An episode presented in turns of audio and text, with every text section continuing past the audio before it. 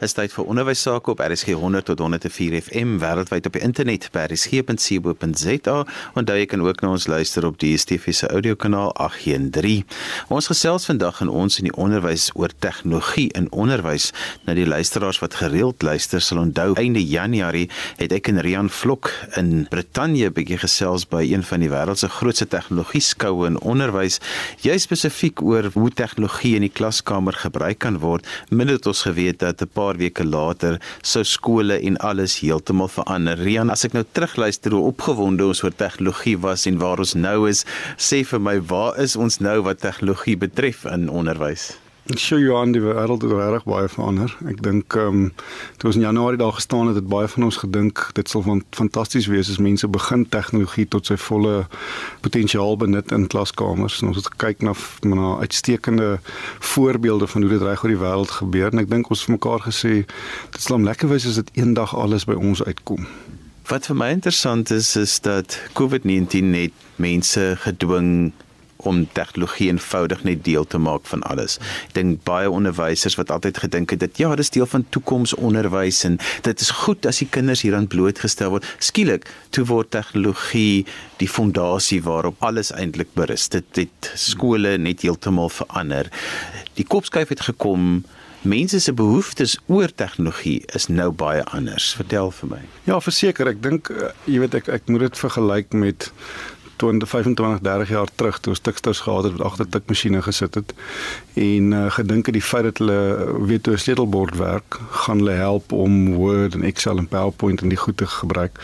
En baie onderwysers was in baie dieselfde situasie geweest. Dit wat gewerk het vir baie jare werk vandag nog. Dis nie asof hulle enigiets anderster moet doen in die klas nie of hulle was nooit geforseer om anders te, te dink oor wat hulle moet doen in die klas nie. En nou met COVID-19 het ons gesien hoe reg oor die onderwysspektrum of dit nou ehm um, kleuterskole is wat wil net beter kommunikeer en of dit hele op die ander kant is waar graad 12s moet werkstukke inhandig en op die, die kurrikulum uh, bly by het uh, onderwysers baie vinnig gespring van net ek wil amper sê passief tegnologie net uh ek weet nie wat die mooi woord daarvoor is nie, uh, consume na deel word van die oplossing vir hierdie kinders toe. Hulle het nie keuses gehad nie en van sy eenvoudigste uh, uitdrukking wat maar is om werkstukkies uit te werk en via WhatsApp of sosiale media te deel tot sy mees komplekse het ons net gesien hoe dit ontplof. Um Suid-Afrika deur 'n interessante geweldige bloeityd gegaan van van dit en ek dink dis 'n wêreldwye trend op die stadium van die geveg. Rian, jy staan in die hoof van een van die land se grootste opvoedkundige groepe waar tegnologie maar deel van die groep se aanbieding altyd was. In julle agterkop in die tegnologie departement het julle altyd beplan om sekere goed in plek te hê, maar nie gedink die dag gaan aanbreek dat almal eenvoudig hulle skootrekenaars by die skool moet uittrek, huis toe gaan, oopslaan en weer moet skool hou met kinders wat aan die ander kant in die ontvangkant is nie daardie plan was nooit daar nie want ons het nooit gedink dit gaan gebeur nie, maar toe gebeur dit. Johan, ja, ek ek dink as 'n ou die kopskuif vir tegnologie maak, een van die belangrikste dele wat jy in jou kop moet hê is dat tegnologie is nie gebonde aan 'n plek nie. So ons het vir die laaste 4 jaar gewerk aan uh, verskeie strategieë wat ons sou toelaat uh, om te kon tegnologie toepas maak nie saak waar die onderwyser is nie. So ons het byvoorbeeld cloud first strategie toegepas, ons die intelligent edge, ons het 'n klomp verskillende strategieë toegepas wat ons voorberei het vir 'n tyd waar byvoorbeeld uh onderwysers kan rondskuif tussen kampusse en hulle kan steeds aangaan met hulle dag tot dag werk. Wat interessant was is COVID het het veroorsaak dat ons baie vinnig die model op sy kop moes kon gooi en sê maar nou sit onderwyser by die huis, maar die die die leerder moet dieselfde leerondervinding hê.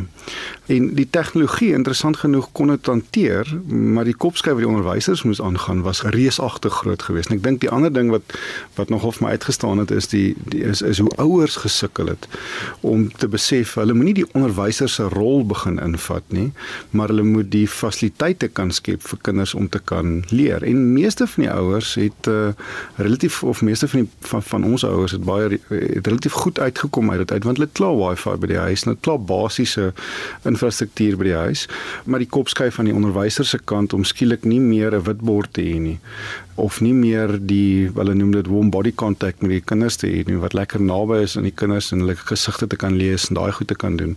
Is 'n baie groot kopskuif. Dit is tegnologie alleen kan nie daai ding vir jou oplos nie. So ons was gelukkig in dat uh, ons strategie en hoe ons dit um, uitgerol het oor die laaste 4 jaar, veral die laaste 4 jaar, beteken dit dat dit baie dat ons baie vinnig kon aanpas. Nou, ek sê altyd ons gesondheidswerkers staan in die voorpunt om mense lewendig te hou, gesond te hou maar ons onderwysers en ons tegnologie mense wat in die onderwyssektor werk, staan weer aan die voorpunt om kinders se toekoms nog steeds te verseker.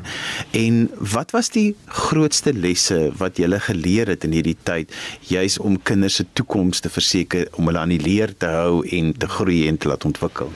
Weet jy Johan, ek het vanoggend uh, het ek 'n verslag geskryf vir iemand en, en uh, ek het gesit en dink net bloot oor hierdie transisie waardeur die ek wil amper sê die onderwyssektor was. Nou as 'n tegnoloog, het ons altyd geweet ek kan vir jou verskriklike goeie eh, skootrekenaars gee en jy kan baie vinnige konnektiwiteit hê en ek kan vir die beste stelsels gee.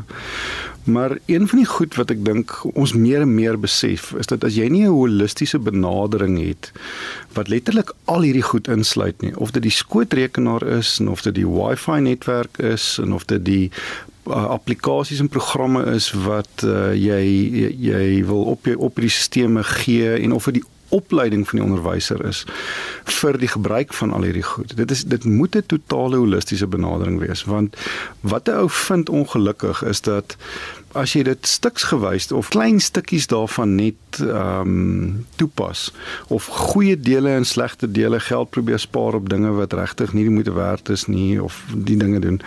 Wat jy doen is jy breek die hele waardeketting en die waardeketting is baie meer gekompliseerd om reg te maak as jy hom nie van die begin af reg beplan nie. En ek dink dit is een ding wat wat ons gesien het byvoorbeeld ons het uh, 'n baie groot persentasie van ons onderwysers ehm um, al van begin van laas jaar af het begin om aanlyn uh, uh, webinars by te woon, klasse by te woon. Ons het begin toerus eintlik maar om 'n beter ondervinding vir die kind in die klas te gee toe Covid kom, was 'n groot persentasie van onderwysers reg geweest. Hulle het geweet wat om te doen. Hulle het geweet hoe om nou skielik aanlyn op te tree. Maar dit was nie in isolasie van byvoorbeeld seker maak dat die skootrekenaars in 'n goeie kondisie is en dat die kameras in 'n goeie kondisie is en dat die leerplatforms wat ons help ontwikkel het saam met maatskappye soos Microsoft en so dat dit nie ook reg was nie. Daar's nie 'n een eenvoudige amper sê ek wit pilletjie wat jy kan drink wat net een deel daarvan oplos nie. En ek dink as 'n les en selfs 'n les vir die sektor is jy nie 'n holistiese benadering volg hier nie en dat jy nie bestuursstelsels in plek sit om letterlik van hoe die wifi in die klas werk, al die pad deur tot hoe die materiaal opgelaai word, holisties benader nie. Jy steel by die kind op die einde van die dag dan. Jy steel die ondervinding by die kind want kinders is gewoond nou hulle gaan op Google, hulle kry 'n antwoord vinnig en hulle leer oor iets. Die leerondervinding het nog nie daai tipe van gebruikerservaring wat 'n Google het nie, maar dis wat kinders verwag. Dis wat ons kinders verwag. Dis selfs wat ons gebruikers verwag. Hulle verwag eenvoud. Hulle verwag inligting wat relevant is vir hulle, vir hulle leerprosesse en daai aanpassing, ek dink ons is nog ver weg daarvan af om dit 100% reg te kry, maar dit is wat ons natuurlik moet werk uh, om dit eenvoudiger te maak vir hulle. Rian, iets wat vir my uitgestaan het is die feit dat ehm um, die mense wat dit kon maak werk is waar die tegnologie mense ook 'n baie diepte belangstelling het in onderwys en opleiding en hoe die filosofie van hierdie dinge werk. En nie net geïnteresseerd is in wifi routers en kabels en wie gaan nou die internet verskaf en al daai goeders nie maar dat jy moet verstaan hoe werk leer, hoe werk die kommunikasie. Ja, absoluut Johan. As ek terugdink aan uh aan daai aanbid waar ons was en en selfs voor dit wat ek in in Las Vegas was, wat ek gaan kyk het by CES gaan kyk het na die na wat leerstelsels doen en hoe hulle lyk. Like. Een van die dinge wat my altyd opval is dat jy het hierdie twee pole of twee groepe mense wat hierdie mark benader. Die een is opvoeders met uitstekende idees om te gaan toepas in tegnologie. En dan jy tegnoloë wat uh, weer met uitstekende tegnologiese idees uit opkom. Alles van AI en big data en al die verskriklike interessante woorde wat ons gebruik. En die twee ontmoet ergens in die middel, maar hulle praat nie dieselfde taal nie. Die een praat Duits en die ander een praat Italiaans met mekaar. So wat nou gebeur is ongelukkig in die middel waar daai twee goed bymekaar kom, is die leerder. Dis waar die leerder in die ouer lewe. Hulle lewe in 'n wêreld waar hulle uitkomste wil hê gedryf op hierdie tegnologie en hierdie leermetodieke, maar die twee groepe wat dit moet maak gebeur, praat nie mekaar se taal nie. So van ons perspektief af uh, sit ons ek sit ontsettend baie moeite daarin om ons span tegnoloë toe te rus op 'n manier waar hulle kan verstaan wat in die klaskamer aangaan. Een van die goed wat ons hulle wat ons wil hê hulle almal moet deurgaan, hulle moet in klasse gaan sit. Hulle moet gaan kyk hoe voel 'n juffrou wat skielik haar wifi werk skielik nie sy kan nie nou 'n YouTube video speel nie en sien wat gebeur want om dit op te los is nie net sit 'n vinniger internetlyn altyd in nie maar ook ewenigs vra ons vir onderwysers. Wat wil julle hê? Wat sien julle wat het julle nodig om te doen om vir kinders 'n beter ondervinding te gee? Ek dink nie daar's 'n wen in dit nie maar dit is 'n totale dis 'n proses wat elke dag aangaan binne in ons strukture om seker te maak dat ons daai ondervinding uiteindelik op so 'n manier gee dat ouers en kinders begin voel hulle word gehoor in hulle behoeftes vir tegnologie. Dit is my so interessant as mense nou op die sosiale media gaan elke dag dan spring daar nog 'n aanlyn skool op of dan nog 'n oplossing nou om kinders van die huis af te leer. En as jy so 'n bietjie ingaan dan voel die meeste van die produkte vir my soos die ou tyd se telefoonsentrale is eintlik maar 'n juffrou wat iewers in haar kombuis sit met 'n mooi agtergrond en begin klas gee wat eintlik die vrotste manier is om tegnologie regtig te gebruik en ek dink dit moet ook 'n frustrasie wees vir julle wat in die onderwyssektor met tegnologie bedryf is. Ja, weet jy, ek het uh, toevallig hierdie week het 'n uh, ouer my gebel met my beïndruk in terme van sy kennis van tegnologie en uh, sy kinders is nie op, op by een van ons skole betrokke nie en ehm um, die gesprek het begin gaan oor oor die gebruik van artificial intelligence en hoe jy AI in 'n klaskamer kan gebruik en wat jy kan doen daarmee en hy was verskriklik opgewonde oor En ek sê toe vir hom, weet jy, op die einde van die dag ons kan verskriklike ongelooflike amazing dinge doen, maar die probleem lê jy moet vir die middel van die pad akkommodeer. Daar is onderwysers en kinders reg nou in in sisteme reg oor die wêreld wat nog nie daar is om regtig die volheid van wat tegnologie kan doen te kan geniet of ervaar nie vir verskeie redes, sosio-ekonomiese redes, finansiële redes ensovoorts.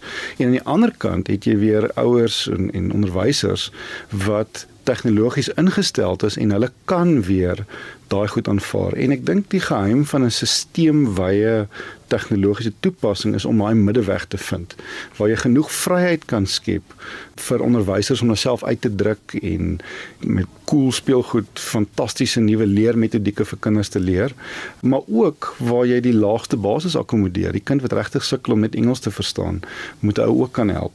En ek dink dit is seker die grootste uitdaging vir ons om as tegnoloog om 'n middeweg te vind want dit is nie daar's nie 'n eenvoudige antwoord nie. Wanneer jy na korporatief dink as jy nou dink aan 'n maatskappy kies enige groot versekeringsmaatskappy bank enige van daai maatskappye jou besigheidsstelsels werk op 'n sekere manier en jy pas in in daai besigheidsstelsel as jy weet hoe om boeke te doen byvoorbeeld as jy weet hoe om 'n CA te wees dan verwag jy van jou stelsels om sekere goed te doen en dit is wat dit doen maar onderwys is vir my amper meer 'n kunsvorm En 'n goeie onderwyser is 'n kunstenaar en sy canvas wat hy gebruik is 'n witbord en en en wat hy voor hom het.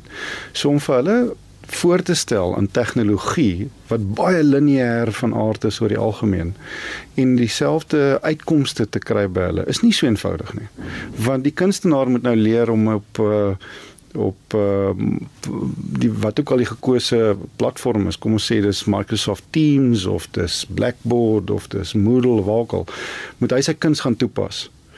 En dis nie 'n een eenvoudige as 'n tegnoloog is dit nie 'n binêre proses nie. Dit help nie jy gee net vir hom dieselfde ou ding nie. So om uh, onderwysers te vat na die punt waar hulle die beste kan kry uit die tegnologie en hulle op die beste moontlike manier kan uitdruk soos wat hulle in die klaskamer sal doen is 'n is 'n kunsvorm wat tyd vat.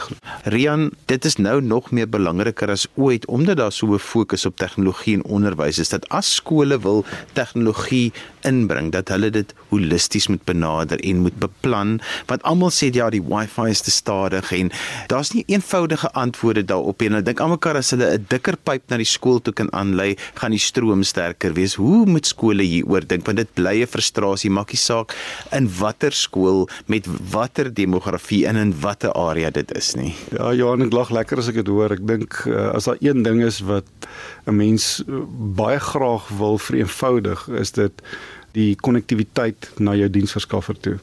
En uh, ek het onlangs 'n stuk geskryf daaroor en die kompleksiteit daar agter is heelwat meer as net sit 'n groter pyp in. En uh, die beste manier om dit te verduidelik is dat as 'n ou nie 'n holistiese benadering daarvoor sit nie, dan kan jy nie verwag dat die tegnologie dit gaan ondersteun nie. En uh jy weet ons het byvoorbeeld gesien hoe ons uh van die diensverskaffers ons nou gratis vir vir skole bandwyte. En ons het baie van hierdie van hierdie offers gaan toets jong. Dis mos nou lekker. Dit kos nie geld nie soos verniet. Die enigste probleem is dat 'n een ek kan nou sê 1 gigabit lyn met 'n hoë contention ratio soos hulle dit noem, gaan vir jou nie meer as 50 meg se data by 'n skool aflewer nie. Nou wat dit beteken is jou verwagting van daai diens en wat hy vir jou aflewer so wyd verskil van mekaar. Dit kan mos nie dan fout wees nie want jy het net 'n 1 gig lyn, maar die kompleksiteit om dit te ontwerp beteken dat elke deeltjie van daai afleweringsketting moet in gedagte gehou word. Die lyntipe, die tipe routers wat gebruik word om dit in die skool te versprei, die argitektuur van die netwerk, hoe daai argitektuur uitgelê word, die kwaliteit van die fisiese infrastruktuur, die kabels, af tot by die koneksiepunte toe moet gebestudeer word, skoongemaak word en en spesifiek ontwerp word vir die applikasie wat jy in die klaskamer wil gee. Baie goeie uh, toets wat ons onlangs gedoen het, het ons gesien ons kan op 'n 40 meg lyn lewendige video uit uh, omtrent 4 klasse vir soveel kinders gee soos ons wil. Nou dit klink onmoontlik want dit is so min data, maar ons kon dit doen omdat die hele infrastruktuur daarvoor reg was. Eweneens het ons ook al gesukkel om 'n YouTube video in 10 klasse gelyk te stroom as gevolg van die argitektuur wat nie reg is daarvoor nie. So ek meen ons kan vir mense raad gee rondom dit. Seker die belangrikste ding is 'n holistiese benadering. Jou netwerk is 'n funksie van wat jy op hom wil doen dit is nie so vinnig soos die internetkonneksie wat jy kry nie. Dis ook nie so vinnig soos die lyn wat jy insit nie. Dis 'n kombinasie van al daai faktore saam af tot by die tipe standaard wat jy kies, die tipe Wi-Fi standaard wat jy kies in jou eindpunt toerusting of dit skootrekenaars of tablette is, maak nie saak nie. En ons skool gepraat onlangs wat uh, baie baie bekende skole in in in uh, in Suid-Afrika en Hulle was net so gefrustreerd oor Wi-Fi, maar hulle het die vinnigste lyne in en hulle en my vraag was maar waarvoor is julle netwerk ontwerp? En die die antwoord is baie vinnig wel om vir die hoof uh laat hy sy besigheidsstelsels kan dryf by hoof. Toe sê ek maar jy kan mos nie verwag van die hoof se besigheidsstelsel netwerk om in die klaskamer af te lewer nie. Dis twee verskillende goed. En ek gaan die eerste een wees om te sê ons kry dit nie altyd reg nie, maar die moeite wat ons insit, die werk wat ons insit om dit holisties te benader is iets wat ons ons ons bitter baie energie aan spandeer. Ons het nou net weer uh, deur 'n herontwerp gegaan uh, van 'n groot gedeelte van die netwerk as gevolg van COVID en ook as gevolg van die feit dat die behoefte nou verander het. Waar ons van tevore in die klas gesit het en inligting basies net in die klas gedeel het, nou sit die onderwyser dikwels in die klas en die kinders sit by die huis ander applikasie. So 'n benadering, holistiese benadering is iets wat ek wat ek nie kan wegkom vanaf nie. Uh, jy kan ook nie verwag om vandag jou netwerk op te stel om video uit te saai byvoorbeeld en môre wil jy iets heeltemal anders ter doen op die ding en dan is die wifi die probleem nie. Dis nie die wifi nie, dis jou benadering tot die konnektiwiteit. Ja, want mense se persepsie van sulke goed is baie keer wat hulle sê nou maar in 'n publieke area by 'n lughawe sou ervaar het of hulle sou gesê het maar ons is almal by die werk, ons is omtrent 500 mense wat nou vir ons rekening sit. Ons kan almal YouTube video's kyk. Hoekom is dit nie moontlik by die skool nie? En gewoonlik sit so iemand ook dan op 'n beheerliggaam en sê maar ek kan dit nie verstaan nie by my werk werk dit so, maar hoe kan dit nie by die skool werk nie? Ek het nou die dag te sê vir iemand rondom dit is dat 'n mens met jou netwerk se behoefte onderskei in wat jy met hom wil doen. En op 'n hoë vlak, as jy byvoorbeeld na banke se data kyk, is dit hoë beskikbaarheid baie klein stukkies data wat uitgaan. Dis nie groot stukke data nie, dis klein stukkies transaksionele data. As jy by jou werk sit, is daai data as jy 'n bietjie as jou uh SAP-stelsel of jou bedryfstelsel vir jou werk 'n bietjie stadiger is, dit gaan nie jou werk stop nie. Wat dit alwat doen is dit irriteer jou eintlik maar net. En jy kom met meeste van die tyd kom jy net nie agter nie. Maar as jy onderwyser is en jy staan in 'n klas en jy is in die middel daarvan om 'n kernkonsep af te lewer in 'n groep graad 10 leerders en jou verkose medium is miskien om om YouTube te gebruik daarvoor. Dan beteken dit jy moet in daai klaskamer aflewer hoë kwaliteit data. Met ander woorde die data moet onmiddellik beskikbaar kan wees in die les. Jou produk hang dan daarvan af. Wat beteken jou leerproduk is nou kern tot hierdie uh, afleweringsmetodiek. Dit beteken jy het hoë data, hoë beskikbaarheid van daai data en wat ons verwys na as lae latency. Nou latency gaan maar daaroor dat die op en af vloei van data kan nie groot onderbrekings tussen lê nie.